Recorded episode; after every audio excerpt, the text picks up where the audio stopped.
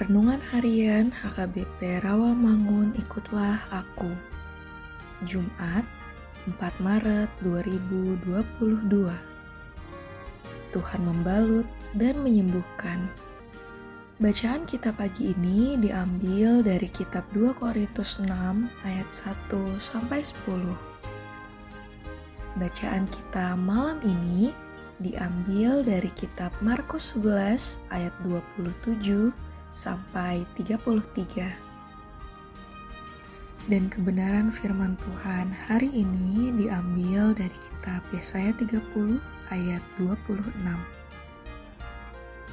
Maka terang bulan purnama akan seperti terang matahari terik dan terang matahari terik akan tujuh kali ganda, yaitu seperti terangnya tujuh hari pada waktu Tuhan membalut luka umatnya dan menyembuhkan bekas pukulan. Demikianlah firman Tuhan. Kitab Yesaya 30 ini diawali dengan keluhan terhadap bangsa yang tidak setia. Hukuman demi hukuman ditimpakan, penindasan diizinkan. Akan tetapi, Tuhan masih mau mendengar seruan mereka dan memperhatikan air mata mereka. Tuhan menanti-nantikan saat untuk menyatakan kasihnya bagi orang-orang yang menanti-nantikannya. Tuhan bahkan langsung menjawab seruan umatnya. Ia menunjukkan jalannya dan memberkati mereka. Ada saatnya nanti dia membalut luka umatnya dan menyembuhkan bekas pukulan. Dialah sumber penyembuhan itu. Setiap kita pernah berdosa.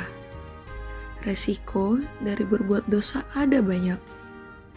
Relasi kita dengan sesama hancur, pikiran tidak tenang, hati kita penuh dengan kekhawatiran. Kita harus berseru memohon pengampunan kepada Tuhan.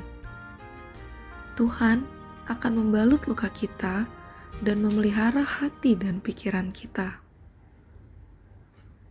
Tuhan akan mengobati dan menyembuhkan semua kita yang telah merasakan pertolongan, anugerah, dan kasihnya seharusnya juga menjadi perpanjangan tangan Tuhan untuk membalut dan menyembuhkan sesama.